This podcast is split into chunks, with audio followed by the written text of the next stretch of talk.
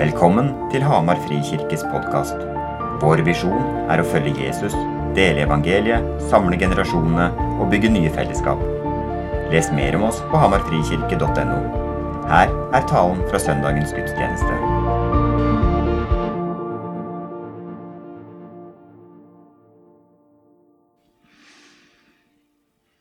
Herre, vi kommer til deg med kun det vi er, kun det vi har. Vi har ikke noe mer å gi enn akkurat det vi har, den vi er. Vår lille tro eller vår store tro. Kanskje vi ikke tror i det hele tatt. Men Jesus, vi ønsker å se deg. Og ber om at du ved Din Hellige Ånd skal vise oss hvem du er. Amen. Du starter med to pappavitser. Det første du gjør, det er Jeg lurer på om jeg må bli pappa for å skjønne det greiene der. Altså. Jeg henger ikke med i det hele tatt. Ok, så la meg prøve, da. Vet dere hvorfor eh, Moses måtte, fikk de ti bud på steintavler? Fordi han mangla Noas ark.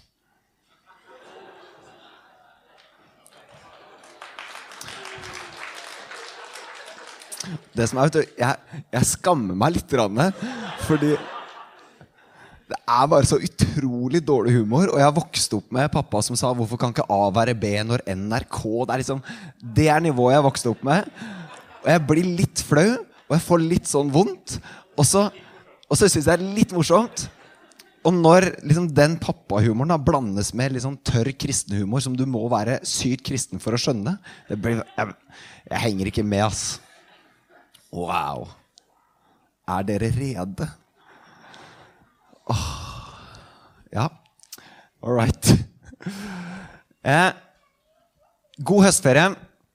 Jeg har vært ute og reist i en ukes tid. Eh, først, eh, først har jeg vært ute, eller var på Vestlandet, i, i Bergen. På, sammen med en gjeng eh, som går på menighetsplantekurs. Og så har jeg vært på menighetsplantekonferanse i Berlin. Og og det er fint å være på tur. Og så er det veldig godt å komme hjem på søndag og være sammen. Jeg, jeg koser meg på Vestlandet og koser meg i Berlin. Og sånne ting. Og det er gøy å studere og gøy å være sammen med folk som er gira. Men det er liksom et eller annet å komme hit, og så kommer det folk inn døra som jeg ikke har sett på lenge. Og så kommer det nye mennesker, og så kommer det mennesker som jeg kjenner godt, og mennesker som jeg ikke kjenner så godt. Og så kommer vi sammen. Eh, og det merker jeg at eh, Ja, Berlin er fint, men eh, gudstjeneste i Hamar frikirke er finere og bedre. Ok. Vi er i en taleserie om åndelige rytmer. Ikke åndelige disipliner, men rytmer. Hvilke rytmer er det du og jeg har i hverdagen? For vi har rytmer. Jeg står opp hver dag stort sett sånn i sjutida, og det første jeg gjør etter å ha vært på do, det er å lage meg kaffe. Ja, det, det er fast rytme hver, hver morgen. Um, og det er en rytme som jeg har. Og så har du og jeg vi har ulike rytmer. Daglig, ukentlig, månedlig. Kall det tradisjoner. Jul Jeg drikker ikke julebrus før første søndag advent eller første desember. Ikke sant? Rytme. Ferdig. Jeg hører ikke på julemusikk før første søndag advent eller første desember. Og da er det, da er det fullt kjør. Ikke sant? Eh, vi har våre rytmer, vi har tradisjoner. Ting vi bevisst eller ubevisst lever i, som gir oss noe å gå etter. Men hva da med troen? Hva slags rytmer er det min tro eller min etterfølgelse av Jesus har? Og så er spørsmålet Tenk hvis vi kan oppdage eller gjenoppdage noen rytmer som vi kan få gå i, bevisst og ubevisst, som gjør noe med oss. Og i kjernen av åndelige rytmer så er bønn. Fordi bønn er det å venne seg til Gud, snakke til Gud, og at han snakker til oss. Så alt vi tenker på og snakker om når det kommer til andre rytmer, har på en måte bønn som en sånn underliggende tone i seg. Der vi snakker til Gud, henvender oss til Gud, med eller uten ord, og der han henvender seg til oss. Så hva er egentlig bønn? Det jeg har tenkt nå, er at jeg skal si mesteparten om hva jeg tror skjer med oss når vi ber. Og så skal jeg si litt til slutten eh, noe praktisk om hvordan vi kan be. Så skal dere få noen praktiske tips. Men jeg skal ikke snakke om eh, hva som skjer når vi ber for noe. Så jeg skal ikke snakke om det å spørre Gud om å gjøre noe. Jeg skal snakke om hva skjer i meg når jeg ber. Det er hensikten min i dag. Fordi jeg tror det er med å gi en forståelse av viktigheten av rytmen. Så håper jeg dere er med på det. Vi skal starte med å lese en haug med Bibel, korte tekster. Matteus kapittel 6. Når du ber, så skal du gå inn i rommet ditt og lukke døren og be til din far som er i det skjulte, og din far som ser i det skjulte, skal lønne deg. Legg merke til når du ber.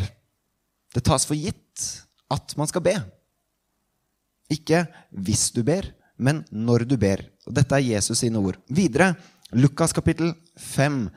Men selv, altså Jesus, trakk han seg ofte tilbake til øde steder og ba. Lukas kapittel 6. På denne tiden gikk han en gang opp i fjellet for å be, og hele natten var han der i bønn til Gud. Lukas kapittel 9. En gang var han alene og ba. Bare disiplene var med ham.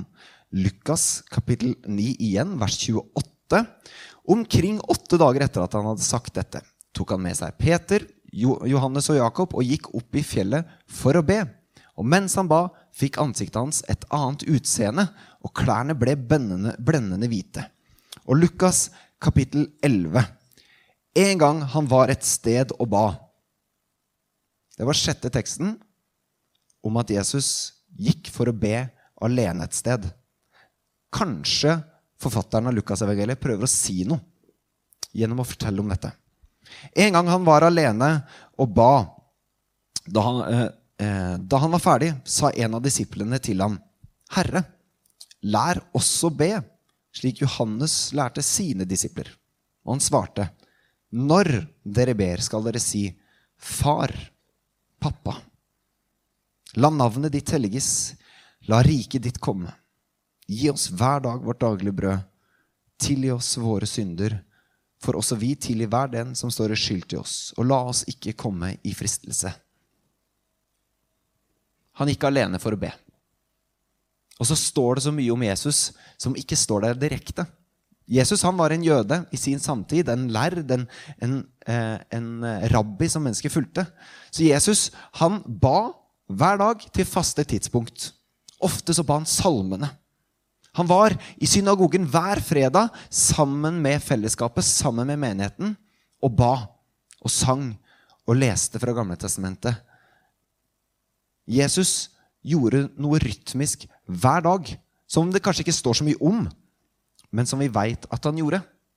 Og så står det at han gikk alene for å be. Hva er det Lukas prøver å fortelle oss? Vi veit ikke hva han ba om, alltid. Og vi veit ikke hva som skjedde. Men det som er helt tydelig, var at Jesus gikk for å være alene med sin far. Og der kommuniserte han, snakka, med ord eller uten ord, i tanker, bevisst ubevisst, med sin far. Hva er det som skjer når vi ber? Er det neste vi skal spørre om. Så vi tar med oss alle disse bibeltekstene som et bakteppe, og så skal vi gå til en tekst i 2. Korinterbrev, kapittel 3. Og dette er ord som kommer på bibelleseplanen i løpet av de neste ukene. Så da griper vi det an litt nå. Vi leser fra eh, vers 14 i kapittel 3, andre Korinterbrev, til og med vers 18. Og der står det, det Eller bare for å gi litt bakteppe, da. Eh, det Paulus, som skriver dette brevet, gjør, er at han forklarer balans, eller overgangen fra den gamle pakten, altså det å leve under Moseloven, som jødene gjorde, til livet i den nye pakten, som er det å følge Jesus og kjenne han og ta imot nåden fra han. Og så snakker han om måte, Moses og hva Moses gjorde eh, overfor eh, jødene i ørkenen. Og da står det dette. Likevel ble deres sinn forherdet, for helt til i dag er dette sløret blitt liggende når det leses fra den gamle pakt, altså Moseloven, og det blir ikke fjernet. For det er i Kristus det blir, tatt bort. Ja, også i dag ligger sløret over deres hjerter. Da snakker han om israelittene og jødene. Hver gang det blir lest fra Moseloven. Og når han bruker slør, så snakker han om noe som skiller, noe som gjør det uklart. Noe som gjør loven blurry. Men når de vender om til Herren, blir sløret tatt bort. Herren, det er Ånden. Og hvor Herrens ånd er, der er frihet. Og vi, dvs. Si de da som har tatt imot Ånden og tatt imot de gode nyhetene om Jesus Vi som uten slør for ansiktet ser Herrens herlighet som i et speil. Vi blir alle forvandlet til dette bildet fra herlighet til herlighet. Og dette skjer ved Herrens ånd. Vanskelig å forstå. Men jeg tror at her her er det gull. Jeg skal lese det en gang til. Vi som uten slør, altså ikke noe som skiller, ser eh, Vi som uten slør for ansiktet ser Herrens herlighet som i et speil. Vi blir alle forvandlet til dette bildet. Fra herlighet til herlighet. Og dette skjer ved Herrens ånd. Nå skal jeg forklare det her, hva, det jeg tror. Hva, hva jeg tror dette betyr. Det at vi kan se uten slør, det betyr at disse skillelinjene, dette, dette teppet som han beskriver at ligger på hjertet til jødene, det er nå blitt tatt bort, slik at vi uten noe som skiller, kan se Jesus sin herlighet. Fordi Den hellige ånd, som alle som tror på Gud, får, gjør oss i stand til det. Det vil si at vi kan ikke se Jesus ved egen kraft. Det er Den hellige ånd i oss som gjør at vi kan se Jesus. Hva betyr herlighet? Herrens herlighet. For det er et sånt språk som i hvert fall ikke jeg bruker til daglig. Og det jeg tror det peker på, er nettopp det at Herrens herlighet, det er Guds person, Guds nærvær.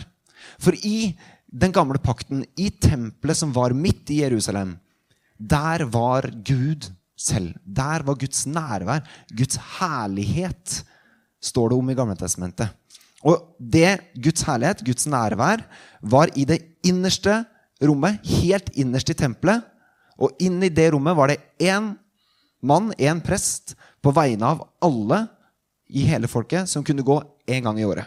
Det vil si én person på vegne av alle kunne se Gud en gang i året. Det sier om at det var en ganske stor distanse mellom folket og Gud. Men den herligheten, den er tilgjengelig for alle ved Den hellige ånd.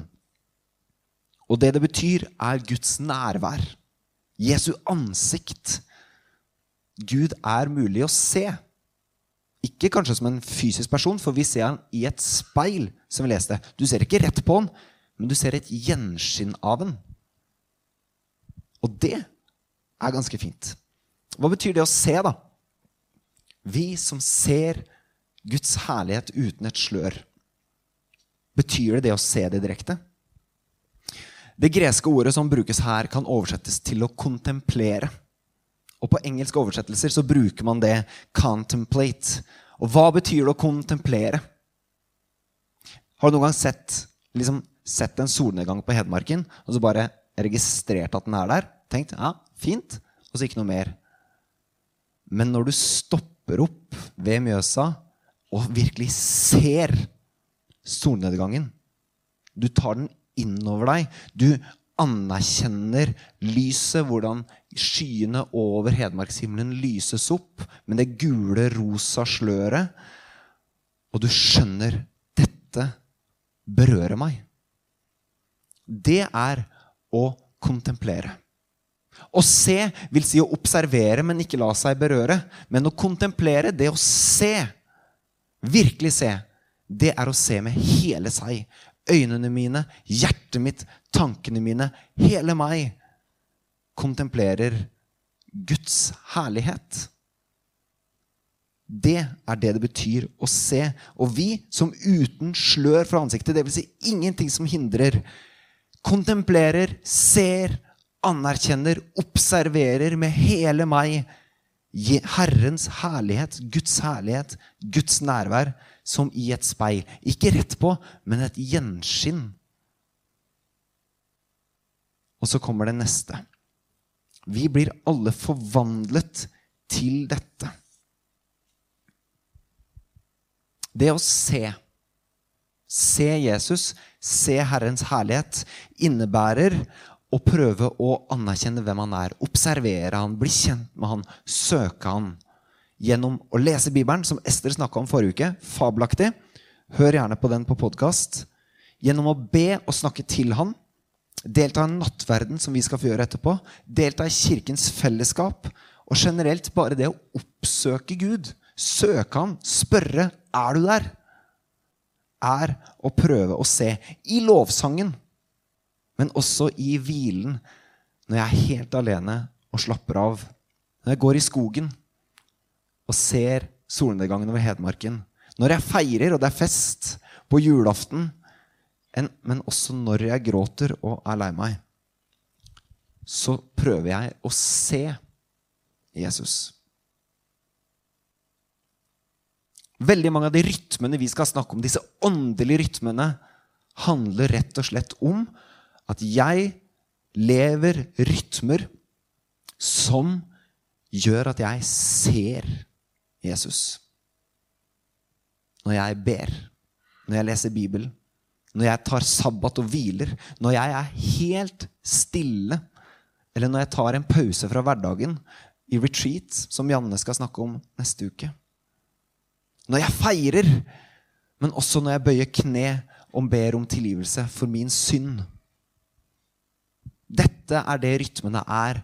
Noe som jeg kan leve i dag til dag, uke til uke, måned til måned. Som lar meg se Jesus. Ikke bare observere, men se med hele meg. Og vi blir forvandlet når det skjer. Som jeg leste, vi blir alle forvandlet til det bildet. Det vil si, det speilet, det gjenskinnet av Gud, blir jeg forvandlet til. Jeg blir mer lik det jeg ser. Jeg forvandles ikke 'jeg forvandler meg', men jeg blir forvandlet til å bli lik Jesus. Betyr det utseendet og mine moralske handlinger eller det hvordan jeg spiser? Nei. Det er noe helt annet som blir forvandlet. Og vi kan låne ord fra Salme 51, 12, som vi gjenkjenner fra synsbekjennelsen. Skap i meg et rent hjerte. Skap i meg et rent hjerte. Eller Romerne 12, hvor det står La dere forvandle ved at sinnet fornyes, eller innrett dere ikke etter den nåværende verden, men la dere forvandle Igjen, ikke jeg forvandler meg, men la dere forvandle ved at sinnet mitt fornyes. Tenk hvis det å forvandles til å bli lik Jesus handler om hjertet mitt og sinnet mitt, ikke hva jeg spiser, gjør, eller hvordan jeg kler meg. For vi har en tendens til å tolke det i det ytre. Men tenk hvis det er det indre det snakker om. Når Bibelen snakker om hjertet, så er ikke det det samme som når vi snakker om hjertet i dag, nemlig følelsene våre. Når Bibelen snakker om hjertet, så beskriver det senteret for handling og valg i meg. Grunntonen i mitt liv, verdiene mine, hva det er som gjør at jeg gjør det jeg gjør, tenker det jeg tenker, eller handler slik jeg handler. Det er ikke bare følelser, det er en del av det. Men senteret for alt jeg er, er hjertet.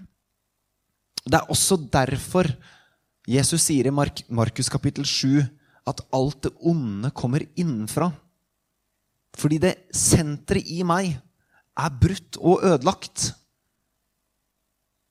Og det er fra det, det er fra hjertet mitt, alt som ikke er godt, kommer. All min synd. Alt det onde. Og det er derfor vi kan be skap i meg et rent hjerte. Vi ber om at senteret vårt skal forvandles. Å bli forvandla til Jesu bilde, slik vi leste, betyr at mitt hjerte, senteret av den jeg er, mitt sinn, senteret for mine tanker, holdninger, verdier, sakte, ikke fort, men sakte, men sikkert forvandles til å ligne Jesus sitt hjerte, Jesus sitt sinn, Jesus sin karakter, Jesus sine verdier. Fordi det er fra det indre vi handler. Tenk hvis bønnen da er det å bli forvandlet. Ikke bestille noe fra Gud, men ganske enkelt å bli forvandla. Paulus han skriver et brev i Nytestamentet til galaterne. Og det er et brev som rommer masse smerte og sorg. Fordi det er en menighet som har beveget seg vekk fra Jesus og gått tilbake til Moseloven gjennom å la seg omskjære. Og så sier Paulus hvis du lar deg omskjære, så må jo du følge Moseloven. Og den er det jo ingen som har klart å følge. Du klarer ikke bli ren eller hellig gjennom det. Hvorfor har dere beveget dere vekk fra Jesus og tilbake til det gamle? For de må jo ta imot nemlig det at det er kun ved troen på Jesus at det blir rettferdige. Og så skriver Paulus dette i kapittel 4, vers 19. Mine barn, hør smak på omsorgen og kjærligheten i de ordene. Mine barn. Som jeg igjen må føde med smerte. Det er lengsel, det er smerte, det er sorg i de ordene. Og så sier han videre til, eller, Som jeg igjen må fødes med smerte, til Kristus får skikkelse i dere. Og vi gjenkjenner klangen fra andre korinterbrev. Det at Kristus formes i oss. De gode nyhetene, evangeliet, den Jesus er og var, blir synlig i oss. La meg si en ting. Til vår moderne individualist. For vi er individualister enten vi vil eller ei. Jeg er selvsentrert. Sånn er det. Alle som bor i Norge, er det. Du kan tro det, enten du vil eller ei, men vi er oppslukt i en kultur av selvrealisering, av forbruk, av at jeg har rettigheter, og jeg skal ordne, jeg skal klare meg sjøl. Vi er alle selvrealiseringsprosjekter, og vi er alle individualister. I større eller mindre grad. Fordi vi bor i en hyperindividualistisk kultur. Å bli lik Jesus er ikke et selvrealiseringsprosjekt. Fordi prosjektets formål er nesten det motsatte. Johannes døperen sa om Jesus han skal vokse, jeg skal avta. Det vil si, Jesus skal bli større, jeg skal bli mindre. Ikke selvutslettende og bli til ingenting. Men når Jesus blir stor og får større og større plass, så er det som om jeg finner meg selv mer og mer til rette. Det er ikke selvrealisering, men det er veldig realiserende og dypt eksistensielt og dypt nede på identitetsnivå. For jeg finner meg selv i Han som skal bli større. Han som er skaper, frelser, herre. Der han får plass, der han skal vokse, jeg skal avta. Det er ikke selvrealisering. Men det er dypt inne i identitet og i frihet. Rytmer, bønn, Bibel. Jeg har vokst opp i en kristen familie. Og jeg har hørt mye om alt jeg måtte gjøre. Og jeg studerte teologi, og jeg hadde mye dårlig samvittighet for at jeg ikke leste mer, gjorde mer, levde dette, disse greiene. Og det ble et voldsomt strev. Og det gjør det for så mange av oss. Og når vi snakker om bønn, så er det så lett at vi ender i strev. Hvis jeg bare hadde bedt mer, så hadde det skjedd. Hvis jeg bare hadde bedt riktig, så hadde det skjedd. Hvis jeg bare, hvis jeg bare, hvis jeg bare Og så blir det strev. Men Jesus sa, Jeg er kommet for at dere skal ha liv og overflod. Ikke forstått som overflod at nå skal dere få masse fysiske ting og materielle ting. Men hva er det om ikke det motsatte av strev? Liv og overflod er jo strengt talt bare frihet. Hvor ting får vokse, hvor det gror gode ting. Hva betyr det at Jesus sa, 'Jeg er kommet for å gi dere liv'? Gi dere overflod. Han vil gi oss det. Og jeg tror det skjer i bønn. For når jeg ber, når jeg lever rytmene, så kobler jeg meg på livets kilde. Han som har skapt meg, som kjenner meg, som elsker meg, som vil si noe til meg. Han har skapt alt. Han er kilden. Det er der jeg finner liv. For der får han forme meg og velsigne meg. Å koble seg på Gud som livets kilde, der det er liv og overflod, handler ikke først og fremst om å be Gud om ting. Eller be Gud gjøre alle disse tingene. Det handler om å bli formet av Han, så jeg forvandles til et speil som ligner på Jesus. Det jeg tror det handler om, bønn, dypest sett handler om å se på Jesus. Ikke be Gud gjøre alle greiene. Vi skal, og vi har lov absolutt til å be Gud gjøre ting. Men tenk hvis bønn dypest sett er å vende tankene mine, hjertet mitt, sinnet mitt mot Jesus og se på hvem han er. Og noen ganger så gjør Gud store ting og viser seg. Andre ganger så har jeg bare en fornemmelse. Eller så leser jeg noe i Bibelen. Eller så er det bare helt stille. Hvis vi gjør bønn til noe magisk, eller noe som er så svært og grandiost, så tror jeg vi går glipp av det å se Jesus. Og så blir vi ekstra overraska og velsigna når Gud gjør noe. Men hvis vi ber først og fremst for at Gud skal gjøre ting, så tror jeg vi går glipp av forvandlingen innenfra. Fordi vi ser han ikke. Vi bare observerer.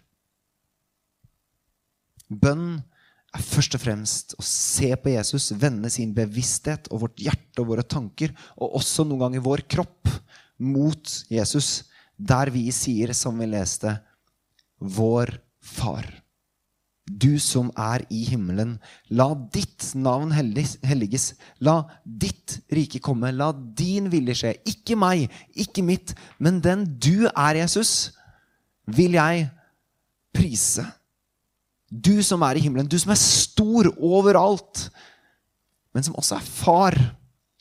La ditt navn helliges. Du som er hellig, du som er god, du som er kjærlighet. Jeg priser deg. Du som er stor, men som også er far. La ditt rike komme. La din vilje skje. Det er å vende seg mot Jesus, der han får vokse. Jeg avtar, men jeg får se hvem han er. Der blir, der blir jeg forvandla. Å be er å se Jesus så jeg blir forvandla. Det er prosjektet, hvis man skal koke det ned praktisk. Tenk hvis det å følge Jesus og tro på han bare kan si det så enkelt. Se Jesus og bli forvandla. Det krever rytmer over mange år. Noen ganger så gjør Gud store ting her og nå, men det krever rytmer over mange år. Og det ønsker vi med den taleserien her. Å ta oss inn i rytmene der jeg får se Jesus, og han får forvandle meg innenfra. Hvordan skal det se ut praktisk? Vi har lasta opp litt på hjemmesida vår. Eh, en ressursside som ble lansert nå i stad. Inne på hjemmesida vår så går du inn på Åndelige rytmer nede til høyre. Der finner du en ressursside med Tips til øvelser du kan gjøre daglig, ukentlig, hvis du vil. Med tips til podkaster, bøker du kan lese, med lenke til alle andre taler vi har hatt om bønn. Vi har talt masse om bønn i en kirke her, så der finner du alt vi har snakka om det. Så det praktiske skal dere få hjelp til inne på nettsida. Og da er det opp til dere å se er dette en rytme jeg vil plukke opp, og hvordan skal det se ut. Jesus han ba jevnlig, hver dag, i rytmer. Jesus han ba med egne ord, og så ba han mye salmene. Skrevne ord som han lånte. Jesus ba alene, og han ba sammen med andre. Jesus han klagde og ropte til Gud, og så lovpriste og anerkjente Gud for den han er. Og en siste ting. Når vi får Den hellige ånd, så er det noen som også får en gave av Den hellige ånd som heter tungetale. Der Den hellige ånd i oss bruker våre ord og vår munn til å be for oss. De av oss som har fått den gaven Jeg har ikke fått den gaven sjøl, men de som har fått den gaven, bruk den når dere er alene med Gud. La Den hellige ånd be sammen og for dere hvis dere trenger hjelp til det. Ikke la den gaven ligge ubrukt når du får en gave der Den hellige ånd ber sammen og for deg. Jeg hadde en eh, prosess når jeg begynte her i kirka, hvor jeg innså at jeg skal jobbe som pastor. Og så klarer jeg ikke si at Jesus er det aller, aller, aller viktigste i livet mitt. Og jeg klarer ikke si 'Jesus, jeg elsker deg'. Jeg vet ikke om jeg klarer å si det i dag heller. Men når jeg innså det, så skapte det en lengsel i meg etter å få se mer av hvem Jesus er. Og siden da så har jeg stort sett bedt hver dag Kjære Gud, du må vise meg hvem du er, så jeg kan bli glad i deg. For jeg gidder ikke det strevet. Det er én ting jeg vil oppmuntre dere til etter i dag. Det er å la det være en bønn. Gud, vis meg hvem du er, så jeg kan bli glad i deg. Så jeg kan se deg, ikke bare observere, men ta innover meg hvem du er. Så du kan forvandle meg innenfra og ut. Så jeg kan ha liv og frihet og overflod, ikke strev. Og nå skal dere få ta imot nattverden, som er det stedet hvor Gud gir seg selv. Det står i 1. Korinterbrev velsignelsens beger som vi velsigner, og brød som vi bryter. Gir det oss ikke del i Jesu kropp og blod, i hans død og oppstandelse? Når vi tar imot dette, så får vi en fysisk tilknytning til det Jesus gjorde det er å se Jesus. Så du kan få komme fram etterpå og ta imot dette for første gang eller for n-te gang. Med en bønn Jesus, la meg få se hvem du er. Så du kan forvandle meg innenfra og ut. La oss be. Kjære, kjære Jesus. Takk for den du er. Takk for det du gjorde ved din døde oppstandelse. Takk for at du tok rike, det himmelske riket ned på jorda og starta en forvandling og en fornyelse av oss og av ditt skaperverk. Vi priser deg for det, Jesus. Og så ser du hvem vi er, vi som sitter her, som fellesskap og som individer.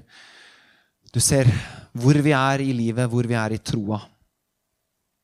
Du ser hva vi strever med, og så inviterer du oss inn til å se deg. Du inviterer oss til liv og overflod.